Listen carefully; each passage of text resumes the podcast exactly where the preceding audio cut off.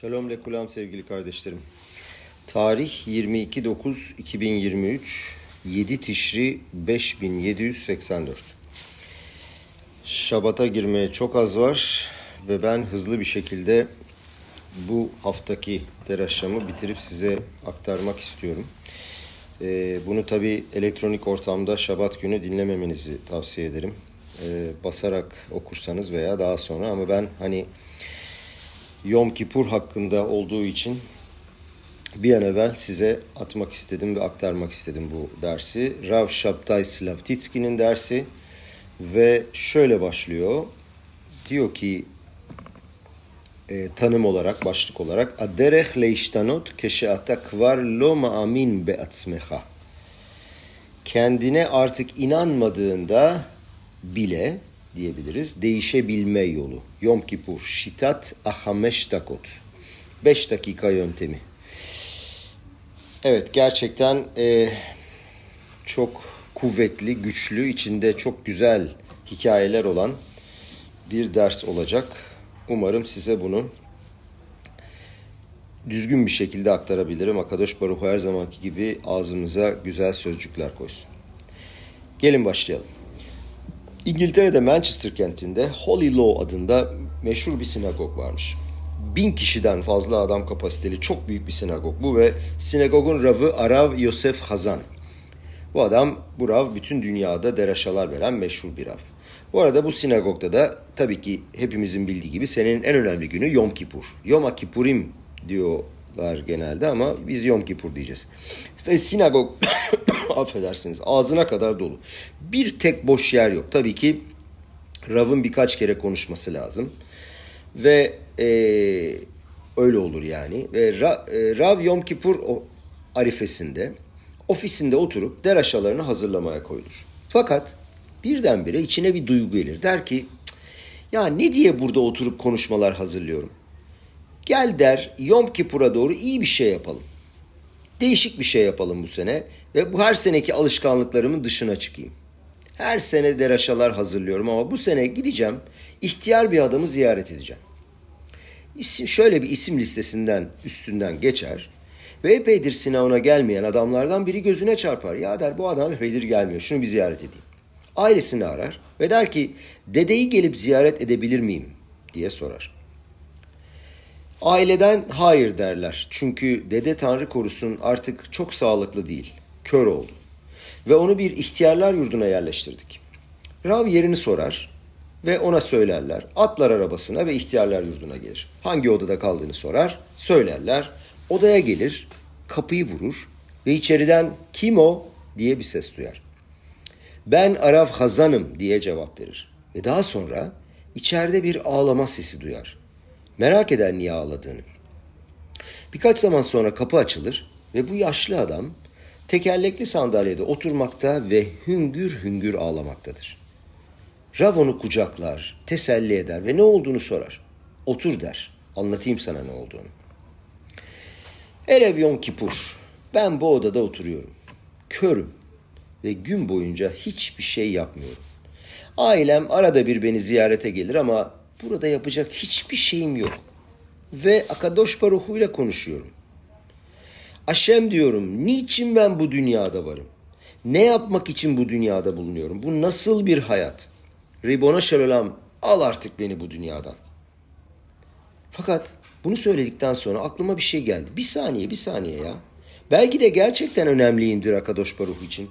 Belki de hala burada, bu dünyada bir misyonum vardır. Ona şöyle dedim. Eğer gerçekten önemliysem, hala bu dünyada yapacak bir görevim varsa bana bir işaret ver. Ve kendi kendime düşündüm. Ne işaret olabilir ki? Bana göklerden mektup mu yollayacak? Ne istiyorum ki ben? Ve birden aklıma bir şey geldi. Şöyle dedim. Ribona Şelolam eğer önemliysem o çok sevdiğim Rav Hazan'ı bana yolla. Ve bunun üzerine iki dakika geçmedi ki sen kapıyı vurdun ve ben Rav Hazan'ım dedin. Kardeşlerim bu sevimli tatlı Yahudi bize çok önemli bir şey öğretti. Akadosh Baruhu her zaman bizimle birlikte. O her zaman bizi duyuyor, bizi görüyor ve burada var olduğumuz her dakikanın bir hayat değeri var. Ve tahmin edebiliyorum diyor Rav, Rav Hazan'ın ne kadar çok heyecanlandığını bundan sonra birlikte sohbet ederler ve ofisine geri döndüğünde tabii ki çok güzel bir deraşası vardı ve bu deraşayı dinleyen herkes çok heyecanlandı. Peki bizler Yom Kipur için nasıl hazırlanırız? Yom Kipur'un o büyük ışığını hayatımız boyunca nasıl devam ettirebiliriz? O ışığı alabilmek için her birimizin acaba ne yapması lazım? O değeri, önemi ve Tanrı'ya olan yakınlığı nasıl hissedebiliriz? Her birimizde olan o neşamayı, o neşama eloki tanrısal ışığı, neşamayı nasıl hissedebiliriz? Hepimiz biliriz ki Yom Kipur'un minha duasında maftir yona vardır. Ve herkes bu maftirde, herkes der ki bu maftirde çok fazla segula vardır. Ve insanlar bunu çok pahalıya alırlar. Hatta bunu derler ki Amerika'da 600 bin dolara alanlar bile olmuş. Rav diyor ki parantez içinde söyleyebilirim ki diyor, diyor. Bu mitzvayı satın alan adamın vermiş olduğu sedakanın değeri o maftirden daha da büyük olabilir. Fakat ne var bu maftir Yona'da? Niçin Yom Kipur'da Yona aftarasını okuyoruz. Gelin aftarının birinci kısmını kısaca öğrenmeye çalışalım. Vayi dvar Hashem el Yona ben Amitai lemor. Kum lech el ninve ayra gdola ukra elea ki ata raatam lefanay. Ninve Asur, Asur krallığının kraliyet şehriydi. Günahların nedeniyle yok olmayı hak ediyorlardı ama Tanrı onları ileride İsrail'i cezalandırmak için araç olarak kullanmak istiyordu. Bu nedenle Tanrı'nın şu sözü Yona ben Amita'ya geldi.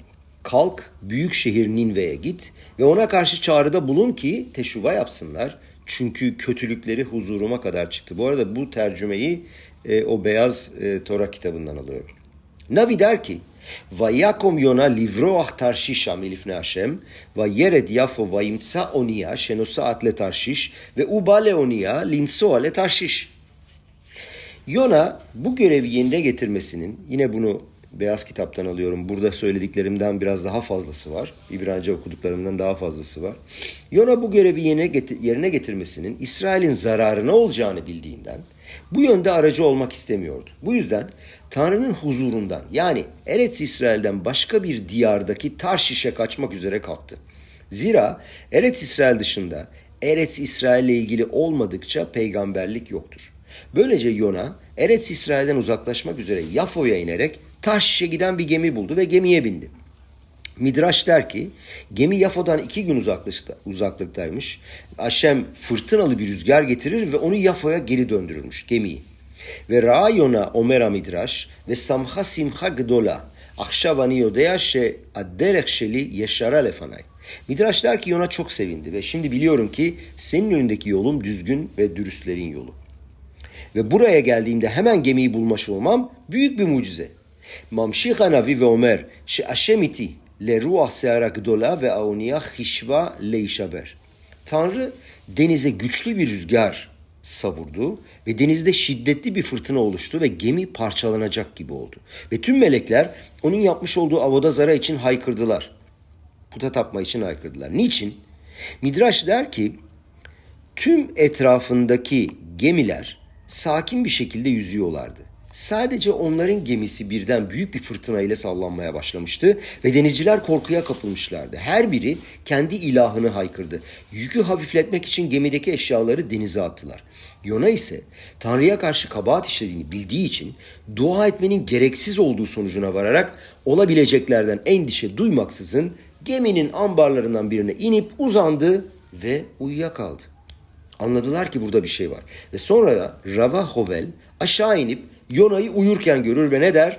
Malehan irdam kum kraet elokeha. Biliyorsunuz Selihot'ta bu laf çok önemlidir. Malehan irdam kum kraet elokeha. Kaptan ona yaklaşıp şöyle der. Ne uyuyorsun? Kalk Tanrına seslen. Belki Tanrı bizim için düşünce gösterir de helak olmayız.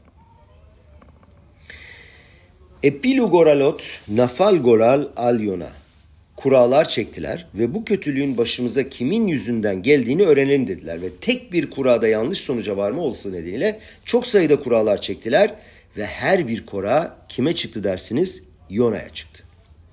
Ve u omer ani ivri ve et Hashem eloke aşamayim ani yare. Yona onlara der ki ben İbraniyim.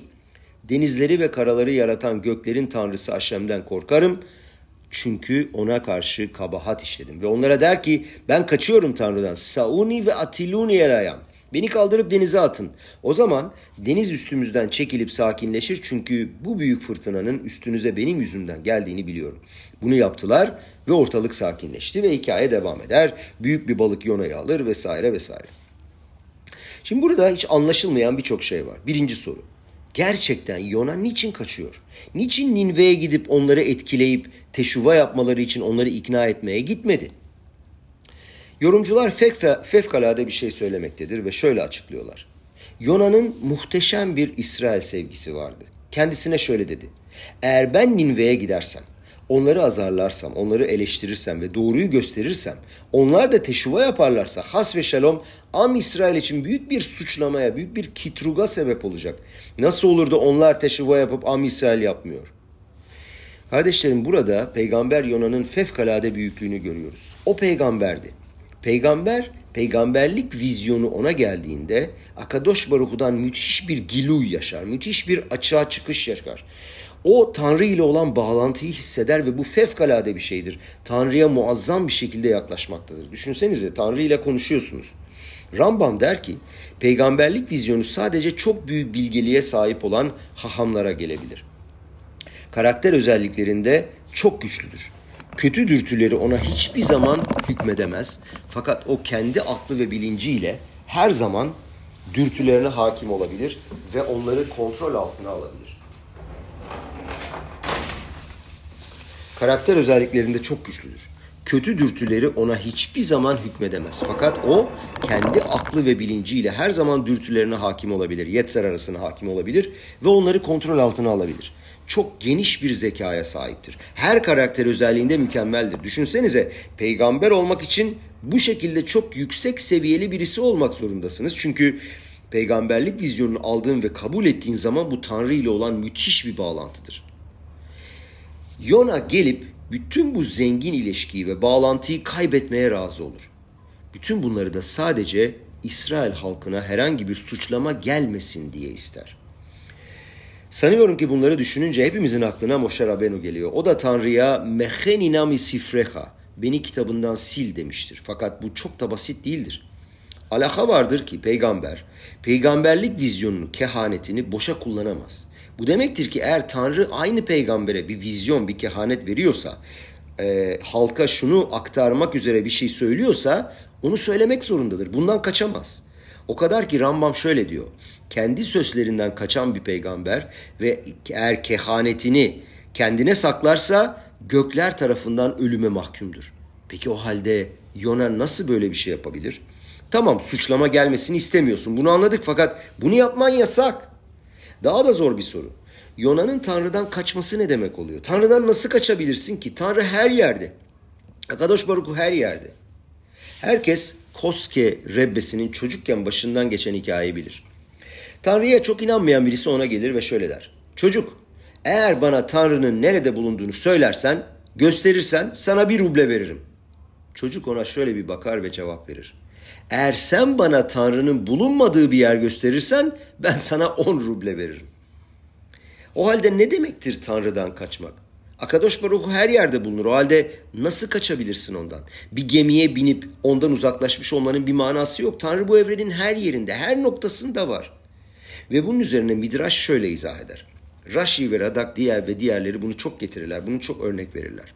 Masahet Moed Katan'da bir gemara var. Şöyle der. İsrail dışında peygamberlik yoktur. Yani İsrail'in dışında peygamberliğin olmadığına dair birçok fikir vardır. O halde niye Yona yurt dışına kaçar? Çünkü bu kehaneti almak kabul etmek istemiyordu. Ve İsrail dışında peygamberlik yapmak, kehanet yok. O yüzden yurt dışına kaçar. Daha önce konuştuğumuz gibi bu vizyonu almak istemiyordu. Belki de böyle bir kehaneti kabul etmemek için de kendisini feda etmişti. Ama burada muazzam bir soru daha var. Gımara sorar. Yeheskel peygamber Babil'de peygamberlik yapmıştı. Peki nasıl yaptı bu peygamberliği? Fikirlerden bir tanesine göre açıklama şöyle. Peygamberlik yapmaya kutsal topraklarda başladı. Eretz İsrail'de ve daha sonra İsrail dışında da devam etti. Dolayısıyla İsrail'de peygamberlik yapmaya başlarsan devam edebilirsin. Yona kehaneti, vizyonu İsrail'de kabul etti. Dolayısıyla İsrail'in dışına kaçsa bile kehaneti, vizyonu orada almaya devam etti. Peki o halde affedersiniz kaçmasının ona ne faydası var? Malbim diyor ki şöyle düşündü Yona. Ben şu anda dedi avoda zara yapanların, puta tapanların gemisindeyim. Böyle bir yerde peygamberlik olamaz. Açıkladığına göre insanlar gemide sürekli bir korku, panik ve gerilim içindediler. içindeydiler. İç huzur yok, gönül rahatlığı yok, sevinç yok. Böyle bir yerde peygamberlik yapılamaz. Fakat bunu da düşünmek zor. Yona gemiye binmek üzere Yafa'ya gitmiş olsa bile tüm yol boyunca kutsal topraklardaydı. Ve orada peygamberlik vizyonu kabul edilebilir. O zaman Yafa'ya gitmiş olmasının ona ne faydası olmuştu? Çünkü o İsrail'deydi daha evvel. Gelin bugün bu derste Rove Chover'in fevkalade açıklamasını öğrenmeye çalışalım. Kendisi çok nadir bir bilge ve çok enteresan bir şey getiriyor. Diyor ki Yarden Nehri yani Ürdün üstündeki nehir Eretz İsrail kutsal Eretz İsrail'de kutsal topraklara mı ait yoksa İsrail dışında mı kalır diye bir tartışma var. Bir pasuk var ki şöyle diyor. Ki atem ovrim et ayarden artsa Kenaan. Siz bugün Kenan topraklarına doğru Yarden'i geçiyorsunuz. Yani bunun basit açıklaması ne? Yarden'i geçtiğin zaman Kenan topraklarına giriyorsun. Dolayısıyla Yarden Kenan toprakları değil. Rabbi Yehuda böyle söylüyor. Ama diyor ki Rabbi Şimon Bar Yochai hayır diyor böyle değil. Başka bir pasuk daha var. Me'ever la yarden Yericho. Ma Yericho eretz Kenan. Af ayarden eretz Kenan. Diyor ki Yarden'in ötesinde Yericho var ama Yericho diyor Kenan topraklarıysa o zaman Yarden de Kenan topraklarıdır. O halde burada bir problem var. Ben o zaman ki atem ovrim yerden artsa Kenan cümlesi yani siz şu anda Yarden'i geçiyorsunuz e, Kenan topraklarına kadar böyle de bir cümle var. Ne yapacağım o zaman onunla? Buna karşı Rabbi Şimon Bar Yochai şöyle diyor. Ehpat leha ete kavana. Senin için önemli olan diyor niyettir. Hayda. Nedir bunun yorumu bakalım.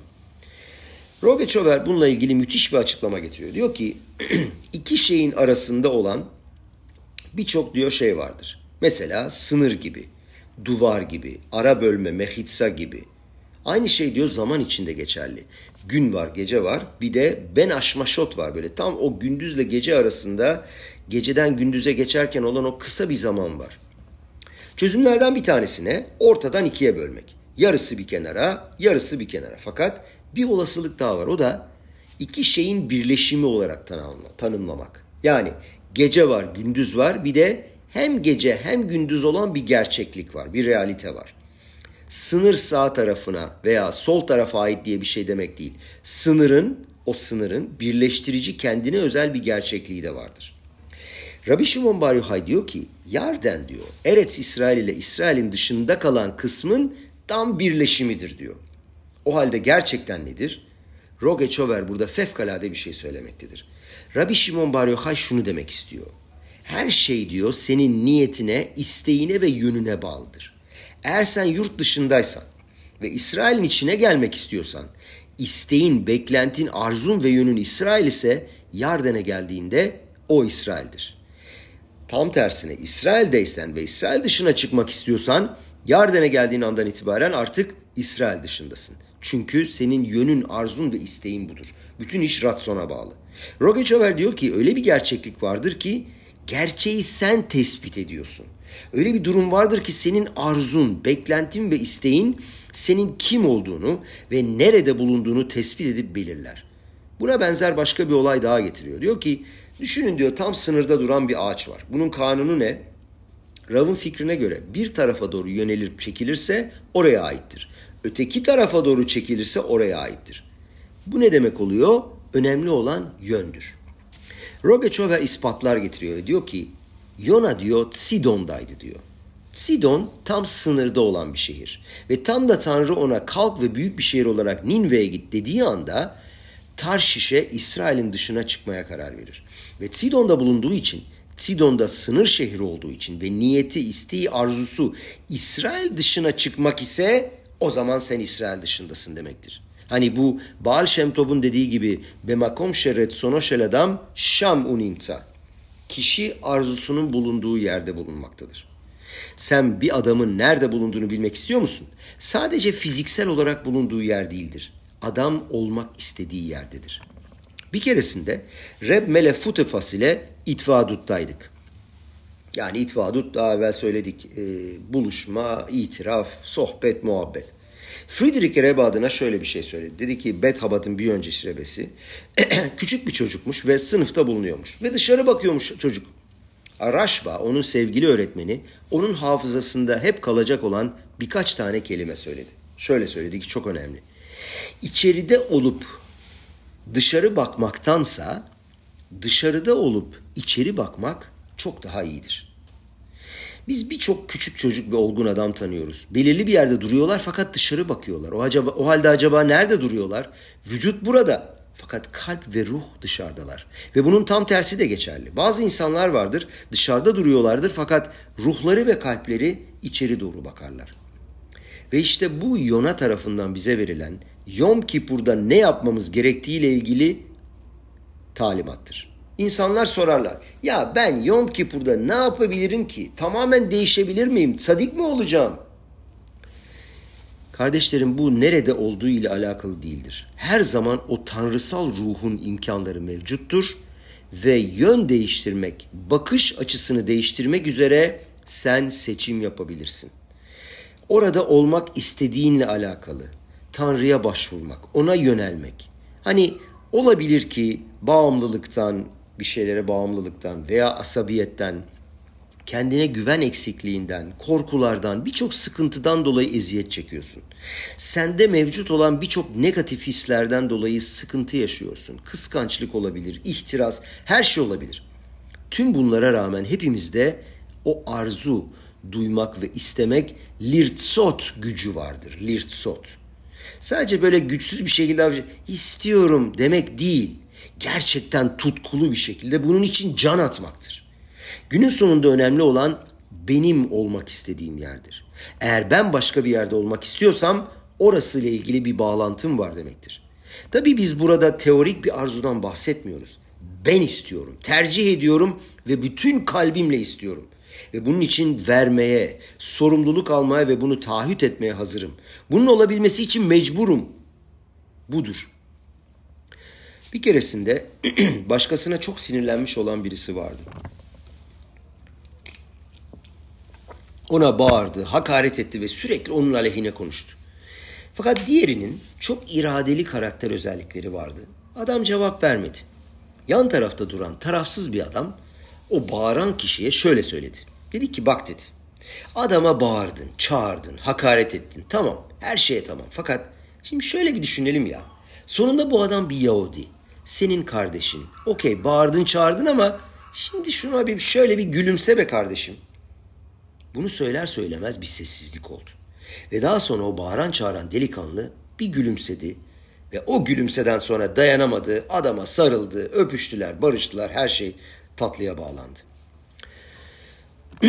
Hatırlıyorum diyor Rav. Geçen sene Yeruşalayim'de büyük bir salonda İtvadut'taydık. Hatta ona ben de gidecektim Rav Şapta'yı görmek için ama gidemedim. Geç saatlerde geç saatlere doğru içeriye diyor uzun saçlı, küpeli, üzerinde birçok hikayesi olan genç bir delikanlı girdi. Adam şöyle dedi. Ya ben tesadüfen buradan geçiyordum, içeri girdim. Öylesin hani burada ne olup bittiğini görmek istedim der. Rav ona şöyle söylemiş. Bazen demiş içimizdeki neşamanın, içimizdeki Yahudinin istediği gibi davranmıyoruz. Akadosh Baruhu'nun oğlunun istediği gibi davranmıyoruz ama artık ruhumuza, neşamamıza da bir gülümseme atma ve onu kucaklama zamanı geldi. Ve ona bu hikayeyi anlattım. Delikanlının gözlerinde yaşlar oluşmuştu. Ve daha sonra o gülücük geldi ve kucaklama geldi ve herkes ayağa kalkmıştı. Ve o toplantının buluşmanın en üst noktasıydı. Saatlerce konuşmaya devam ettik ama gerçek an o andı. Nasıl da fevkalade bir his oluşmuştu birdenbire salonda. Kardeşlerim Tora ve mitzvaları uygulama konusundaki durumumuz hiç önemli değil. Bizim alışkanlıklarımızdan dışarı çıkmamız lazım. Büyümemiz lazım. Her birimiz kendi değerimize göre. Her gün dua etsek bile, mitzvaları yerine getirsek de, şabatı koruksak da ve her gereken her şeyi yapsak da büyümemiz lazım. Gemara şöyle der. Lo dome mişelomed mea pamim o mişelomed mea ve ehad otogmara. aynı Gemara'yı 100 kere öğrenen ile 101 kere öğrenen birbirine benzemez. Düşünün zamanında kitapları yoktu insanların ve bu yüzden her şeyi 100 kere öğrenmeleri gerekiyordu hatırlayabilmeleri için. Düşünebiliyor musunuz? Nasıl bir sorumluluk? Gemara der ki bir Gemara'yı 100 kere öğrenen kişi Oved Elokim yani Tanrı'nın e, kölesi Moshe Rabenu gibi Tanrı'nın kölesi sayılmaz. Neden? Ya adam aynı günde 100 kere öğrenmiş. Fakat diyor bu şey bu o şekil e, bu bir şekilde artık alışkanlık olur diyor. Mea ve ehad 101 olduğu zaman o ehad var ya o ehad diyor işte o akadosh baruhudur. Ha sen o ehada bağlanmak istiyor musun? O zaman bu senin alışkanlığın değil. İşte o zaman o vedelokim Tanrı'nın elçisi, kölesi, görevlisi olursun. Biz kendimizi her zaman sınırlarda buluruz. Ve şunu söyleyebiliriz. Şunu söyleriz, bunu söyleriz, şöyle düşünebiliriz, böyle düşünebiliriz. Her zaman yalan ve gerçeğin sınırında bulunuyoruz. Keduşa ve tuma, kutsiyet ve kirlilik, tov ve ra, iyi ve kötü, mutluluk veya bunalım, Tanrı'ya bağlı veya ondan kopmuş, derin veya sığ. Birçok zamansal, hiçbir değeri olmayan birçok keyfin ve zevkin peşinden koşarız. Öylesine heyecanlar peşinden bazen hayatımızı harcarız. Gerçek veya sahte olmak. Bazen kim olduğumuzu gerçekten tanımlayamadığımız için hayal kırıklığına uğrarız. Bazen oradayız, bazen buradayız. Ve Yom Kipur gelir. Ve gelip bize şöyle söylüyor. Senin özün neşamandır. Bu yüzden işte hiç sinagogdan geçmeyen birçok türden insan görüyoruz ki birdenbire sinagona geliyorlar. Birdenbire neşamalarının farkına varıyorlar ve onu ortaya çıkarıyorlar. İşte bu sensin. Kfar Habat'ta Hasit bir Yahudi vardı. İsmi Reb Avraham Meislich. Bu hikayeyi ondan duydum. Yom Kippur günü 770 adresindeki Rebbe'nin sinagogda ayakta duruyordu. Ve bildiğiniz gibi bu sinagogda, bu Rebbe'nin sinagogunda çok insan vardır o gün. Tamamen doludur. Oturulacak sıraları çıkartırlar yer olmadığı için ve sadece ihtiyarlara bir takım oturacak yerler verirler. E diğer tüm gençler, ziyaretçiler, avrehler herkes ayakta durur. Bu ravda ayakta duruyormuş. Neila tefilasından önce. Ve aşre yoşve beteha duasına sıra gelmiş ve bunu söylüyorlar. Yanında birisi duruyordu ve onu tanımıyordu. Çok kimse birbirini orada tanımaz. Muazzam bir kalabalık ve herkes birbirinin kardeşidir. Müthiş sıkışık ve samimi bir şekilde dua edilir ve daha sonra birisinin yanında sürekli şeakol niyabidvaro, şeakol niyabidvaro, şeakol niyabidvaro dediğini duyar ve anlamaz nedir bu der. Adama sorar. Sen sürekli bu duayı söylüyorsun kendi kendine ama niye anlamadım der. Adam Fransızca şivesiyle bildiği o kırık İbranice ile ona izah etmeye çalışır. Der ki görüyorum ki der burada herkes dua ediyor ve mukaddes bir ateş var burada ama ben bilmiyorum hiçbir şey. Tek bildiğim bir şey var o da dedemin bana öğretmiş olduğu Baruch Hashem Elokenu melecha olam şe'akol niyabid varo. Ben de bunu söylüyorum. Rav Meşlich o geniş büyük kalbiyle ona şöyle söyledi. Ne yapacağız biliyor musun dedi. Ben sana bu duayı kelime kelime söyleyeceğim. Sen de arkamdan söyleyeceksin. Aşre, aşre. Yoşve, yoşve. Beteha, beteha. Fakat onlar daha iki üç tane kelimeyi söylemişti ki Hazan Kadiş'e başlamıştı. Ve Rav dedi ki Fransız'a üzgünüm. Aynı Fransız kardeşimiz aşre yoş ve beteha kelimelerini tekrar tekrar söylemeye başladı. Ve Neyla'nın sonunda aynı Yahudi Rav Meşlich'i kucakladı. Mersi, mersi, aşre yoş ve beteha dedi büyük bir coşkuyla. Kardeşlerim bu fevkalade Yahudi kardeşimizin duygularını kıskanmamız gerekmiyor mu? Ve her birimizin o mersisi, o aşre yoş ve betehası vardır ve bizim bunu ortaya açığa çıkarmamız lazım. Ve işte burada Yona'nın hikayesi gelir. Ve her birimize şunu söylüyor. Her zaman içindeki ratsonu, arzuyu açığa çıkarabilmek için o büyüklüğümüz, o asil, malhut, kraliyet özelliğimiz vardır. Neşamana, içindeki neşamaya bir gülücük at. Ona bir şalom de. Çoktandır konuşmuyorduk de. Akadosh Baruhu senin gülümsemeni bekliyor. Nasıl ki bazen yolda giderken birini görüyoruz ve sanki hani onun senin gülümsemesini beklediğini görüyoruz. Vardır böyle durumlar. Karşı karşıya gelirsiniz ve adam senin gülümsemeni bekler. Gülümsersin, bir günaydın dersin. Adamın da yüzünde gülücükler açılır ve sana günaydın der. Ve nasıl ki bir oğul evi terk ettikten sonra çok sene sonra eve döndüğünde eve bir gülümsemeyle gelir ya işte wow o ne büyük sevinçtir o ne büyük coşkudur.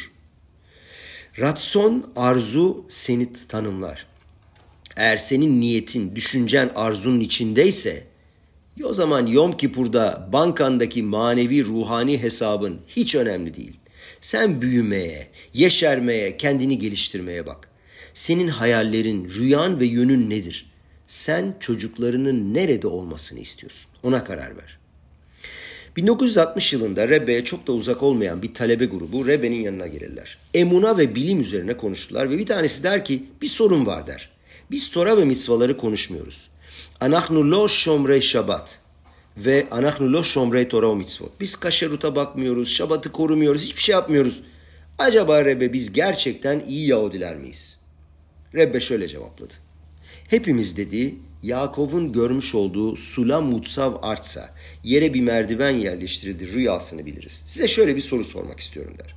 Merdivende düşünün ki iki tane insan var. Bir tanesi en üst merdiven basamağından bir tane aşağıda. Yani en üstteki ikinci merdivende duruyor. İkinci kişi de en alçak başlangıçtaki merdiven basamağında ikinci basamakta duruyor. Acaba kim daha yüksektedir der. Çocuklar basitçe yukarıda olan daha yüksektedir dediler ama Rebbe hayır hayır dedi. Eğer dedi üstten ikinci basamakta duran adam ondan biraz evvel en tepedeyse ve bir basamak aşağı indiyse ve en alttan ikinci basamakta duran adam ondan önce en alt basamaktaydı ve bir tane yukarı çıkmışsa o yukarı çıkmıştır. O daha yüksektedir. Ve bu tamamen senin arzuna, niyetine, beklentine ve düşüncene bağlıdır. Yona vizyon ve peygamberlik kabul etmenin ne olduğunu biliyordu. Fakat Mecheninami Sifreha beni kitabından sil dediği zaman niye söyledi bunu? Akadosh Baruhu'nun İsrail halkına sert bir davranışta bulunmasını istemediği için söyledi ve kaçtı. Gelin bunun anlamını biraz daha anlayabilmek için enteresan bir gemara görelim ama bundan önce başlıkta söylemiş olduğumuz o 5 dakika dedik ya 5 dakika yöntemi. Onun ne olduğunu bir anlayalım. Diyor ki Rav bu diyor motivasyon veren bir tekniktir. Çoğu kez kendi üstüne bir karar alan kişi genelde korkar. Bilemiyorum der acaba başarabilir miyim, başaramaz mıyım, yürür mü, yürümez mi? Şöyle bir öneri var. Kendine herhangi bir görev al, misyon al. Başlamakta zorlandığın bir proje var. Al bunu.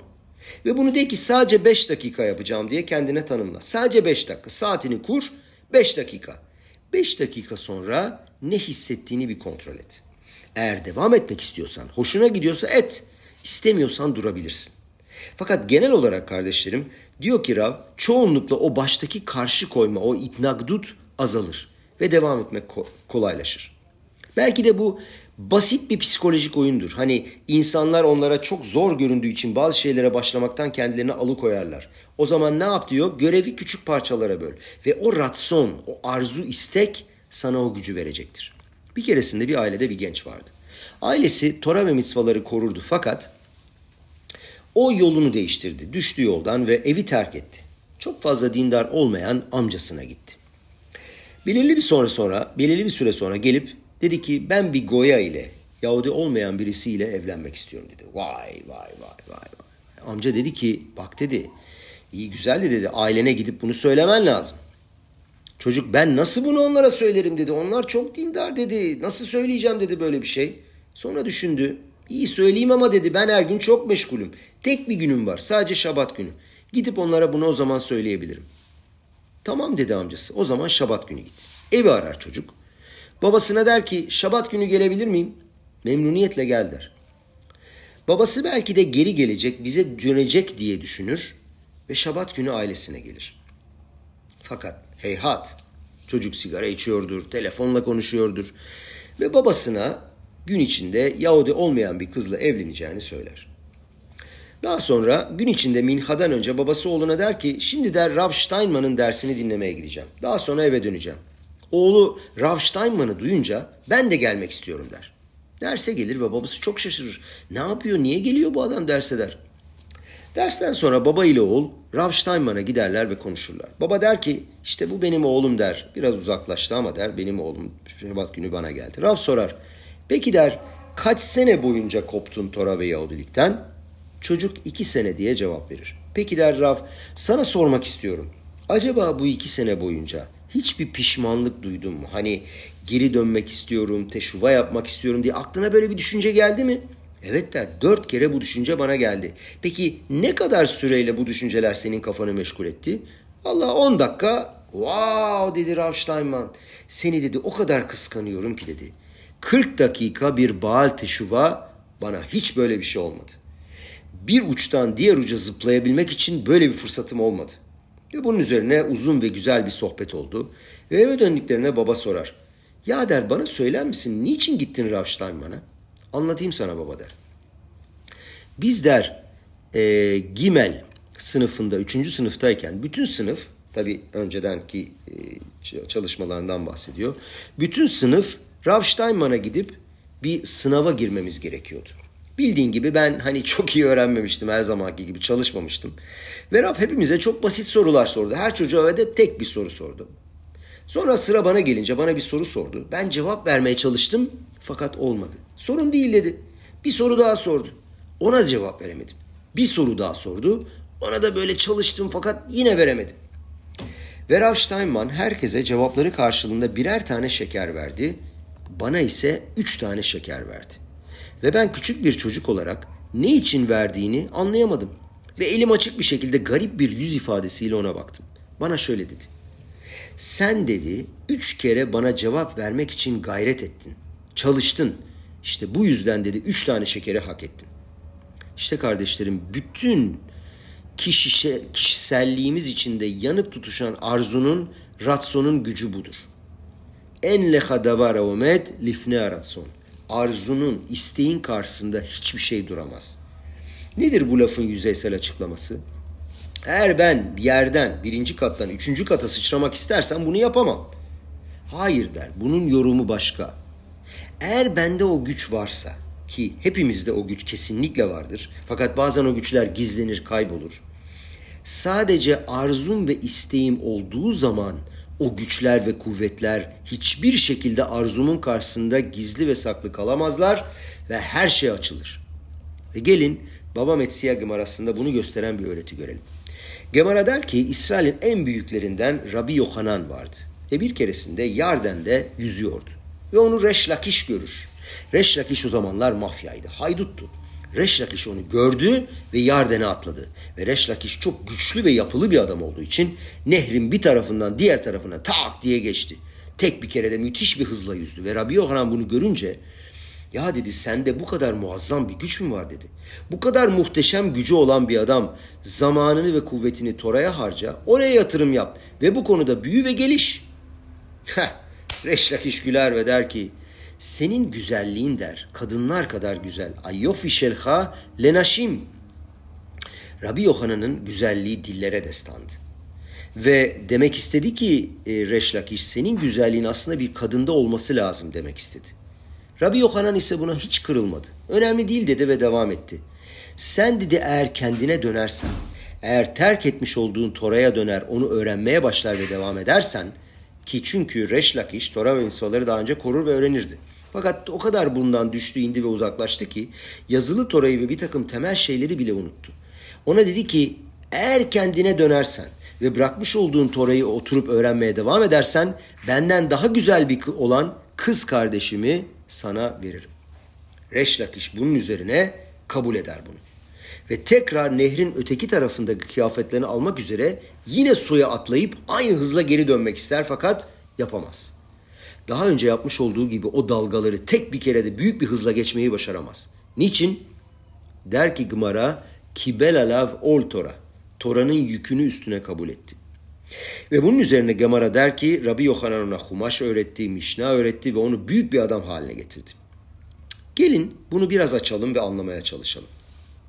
Hakikaten bir uçtan öbür uca nasıl atlayabilir? Hani nasıl olur da Rabbi Yohanan ona tahzor beha diyebilir? Geri dön diyebilir. Sen mafyadaki bir adamı görüp, haydutun birini görüp kendine dön diyebilir misin? Önce biraz konuşursun, adamı ikna etmeye çalışırsın. Nasıl onu kontrol etmeye çalışıp çat diye kendine dön dersin? Önce biraz sohbet etmeye çalışırsın. Eğer bunu yaparsan sana kız kardeşimi vereceğim nasıl diyebilir? Gerçekten de eğer geri dönüp kıyafetlerini almak istiyorsa Reşlakiş, çok büyük bir sporcu olduğu halde niçin geri dönemedi? Dedik ki arzu ve istek, ratson dediğimiz en büyük güçtür. Bir şeyi çok istediğin zaman beynin başka türlü olur.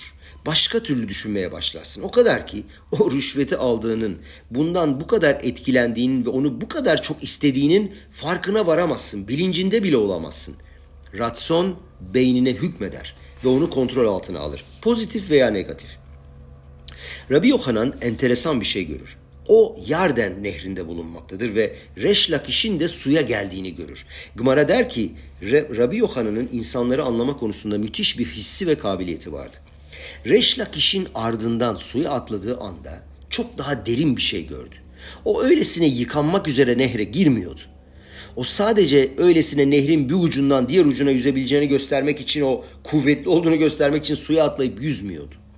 O gördü ki Reş Lakiş onunla bir bağlantı kurmak istiyordu.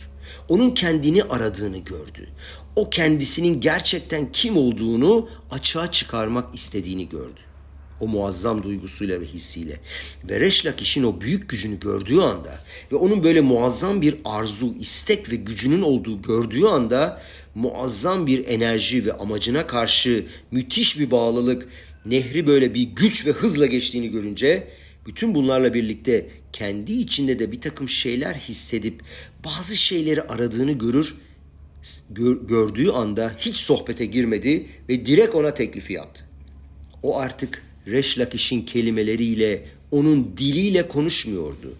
Onun arzusuyla, isteğiyle, duygularıyla ve içsel hisleriyle, coşkusuyla konuşuyordu. Rabbi Yohanan bunu muazzam bir sevgiyle ve onda güç olduğuna dair müthiş bir inançla söyledi. Onun değişebileceğini umarak ve görerek içsel, pnimi bir hisle bunu söyledi. O içini açıyordu, kalbini açıyordu. Yazık ki dedi bu muazzam gücü önemli olmayan negatif şeylere harcıyorsun. Ve Reşlakiş açıldı. Fakat henüz bu yeterli değildi. Belki de öylesine söylüyordu bunu. Hani biliriz ya bazı insanları motive etmek için sen yaparsın, sen edersin diye söyleriz kimi zaman. Ve buna karşılık Rabbi Yohanan der ki ona ben çok ciddiyim der. Ve bunu içtenlikle söylüyorum. O kadar ciddiyim ki der seni İsrail'in büyükleri arasında görüyorum. Ve eğer sen İsrail'in büyükleri arasına girmek istiyorsan, bunda ciddiysen ben sana kız kardeşimi vereceğim, onunla buluşmanı sağlayacağım. Ve birdenbire Reş Lakiş, Rabbi Yohanan'ın öylesine konuşmadığını ve bir şeyleri kurban etmeye, ona yaklaştırmaya hazır olduğunu anlar ve bunun için bir şey vermeye hazır olduğunu anlar. Hani öylesine lafları atmıyordu. Bu amaç için bir takım şeyleri yapmaya hazır olduğunu ve bazı taahhütlerde bulunduğunu gördü. Ve bunun sonunda kalbini açtı. Wow! Ve en başından başladı. Ve haftaramız bize Yom Kippur'da diyor ki sen diyor her türlü bulunduğun durumda olabilirsin. İşte onun demiş olduğu gibi tahzor beha. Eskiden olduğun hale geri dön. Çünkü bu sensin. Bu senin özün, bu senin esasın. Fakat ne oldu bunun sonucunda? Aynı o anda onun arzusu ve isteği spor alanında olmayı durdurdu. Ve o andan itibaren bütün arzusu ve isteği büyümek ve Tanrı'ya yakın olmak olduğu için o sporcu gücünü kaybetti. Artık elbiselerini alamadı. Geri dönüp elbiselerini almak istedi. O spora ve yüzme konusundaki amacına olan bağlılığı artık yoktu. Artık bu istek ve arzusu çok daha yüksek seviyeli bir şeye doğru yönelmişti. Fakat bunda daha derin bir şey var kardeşlerim. Ne demektir geri dönüp elbiselerini almak? Daha önce bunu konuşmuştuk. Hasidutta elbiseler mahşava, dibur umase yani düşünce, konuşma ve eylem demektir. Nasıl ki elbiseler kişinin dışarıya karşı ne olduğunu, kim olduğunu ortaya çıkarıyorsa, hani sen dışarı elbiselerle çıkıyorsun, düşüncen ve konuşman ve yaptığın eylemlerin de senin kim olduğunu açığa çıkarır. O daha önceki düşünce, konuşma ve eylemlerine geri dönmek istedi ama artık geri dönemezdi. Çünkü o başka birisiydi. Bakın ne kadar güzel ki özellikle o Reşlakiş kendini Bale teşuva gerşeit gayer kekatan şel nolad. Teşuva yapanlar yeniden doğan bir küçük gibidir lafını söyler. O Baal teşuvanın başka bir insan olduğunu hissetti. Be makom şel Baale teşuva omdim en sadikim gumorim yeholim lamot dedi. Baale teşuvaların yanında en büyük sadikler bile duramaz dedi. Ve sonra dedi ki Noah iş sadik tamimaya bedorotav kendi neslinde sadıktır Noah dedi. Fakat Avraham Avinu'nun neslinde olsaydı sadık olamazdı, sadik olamazdı diyenler var. Ama ne diyor Leşlakiş? Reşlakiş affedersiniz. Bunu düzeltmemiz lazım. kendi neslinde bile o sadıktı der. Ledorotav. Buradaki Ledorotav negatif bir şekilde söylenmiyor. Pozitif olarak onun lehine söyleniyor. Reş Lakiş Baal Teşuba'nın ne olduğunu hissetti. Baal Teşuba'nın ne güç Baal Teşuba'nın gücünün ne olduğunu hissetti. Hatta Kabala kitaplarında denir ki onun Şaul Amelech'in Gilgul'u olduğunu söylenir. Şaul Amelech'i düzeltmeye geldiğini söyleyen çok uzun bir sohbet vardır. Kardeşlerim umarım arzumuz, isteğimiz, rasyonumuz bizi doğru yerlere getirir. Ve bu yolda Akadosh Baruhu yardımcımız olur. Hepinize tsom kal, şabat shalom ve gmar hatima tova. Ve amen ve chen